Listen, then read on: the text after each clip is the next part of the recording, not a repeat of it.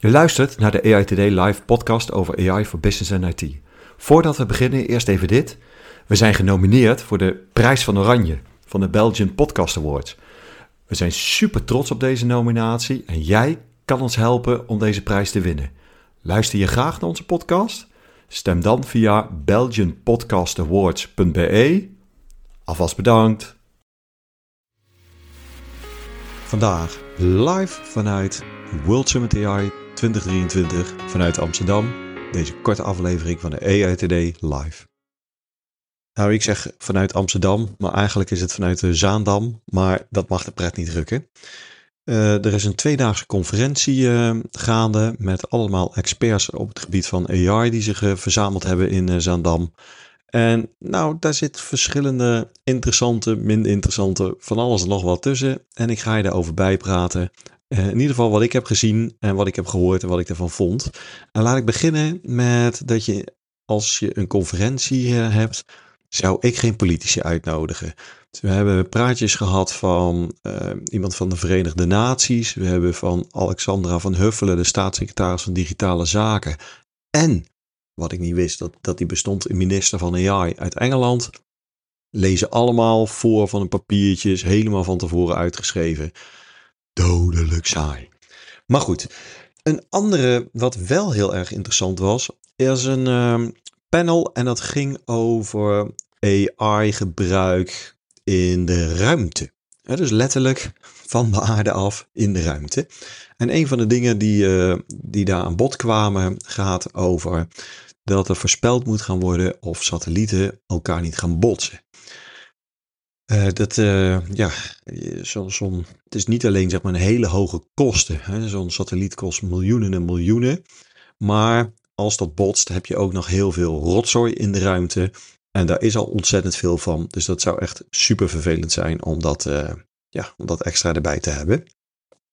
Daar komt bij dat het besturen, dus of het eigenlijk het aansturen van zo'n satelliet is heel erg duur. Nou, waarom vertel ik dit nou? Uh, omdat ze vertelde over ja, een, een um, risicomodel die inschat hoe hoog het risico is dat de satellieten met elkaar gaan botsen. En daarbij werd aangegeven dat ja, dit, is dit zijn heel erg conservatief in deze tak van sport. Dus daar kwam explainability, hè, een van de dingen die ik erg interessant vind, kwam daar naar voren van hoe belangrijk het daar ook weer is van ja, hoe redeneert uiteindelijk het model? Op basis waarvan doet hij het? Zeker dus in een conservatieve wereld, waar dat zomaar niet uh, uh, vertrouwd wordt, hè, de uitkomst van zo'n model. Maar dus ook met wat ik net aangaf, van het is duur als je gaat sturen. Dus je wil niet zomaar dat je denkt van, nou ja, laten we het maar proberen. Uh, en je moet wel heel zeker weten. Dus stel dat ze uiteindelijk alsnog botsen, ja, dat is nogal wat. Mooi verhaal gehad over van TNO en TU Delft. En een van de dingen die naar voren kwam, ook wel heel sterk, was namelijk een heel, heel krachtige analogie over hoe verschillende intelligentievormen met elkaar kunnen samenwerken. Eh, deze professor had een hele mooie foto van een, uh, een ruiter, cowboy, die op een paard zat, dus super actief en die scheidt een kalf van de kudde. En wat zij vertelde is dat zo'n kalf die is zo razendsnel dat als het paard zou moeten wachten op de aanwijzingen van de ruiter, van de cowboy, dat, ze, dat de kalf ze altijd te snel af is. Dus wat er moet, gebeurt is dat het paard leidt, uh, uh, maar de rijder die bepaalt eigenlijk welk kalf gescheiden moet worden van de kudde. Dus ja, dit is eigenlijk een hele mooie analogie van wat wij natuurlijk ook aan het proberen zijn met machines, machine learning, AI en mensen. dus dat je als mens wel in de regie zit, maar dat het systeem dusdanig besluiten kan nemen, uh, waardoor die snel accuraat is, maar wel onder onze regie. Ik vond dat een heel erg mooi voorbeeld.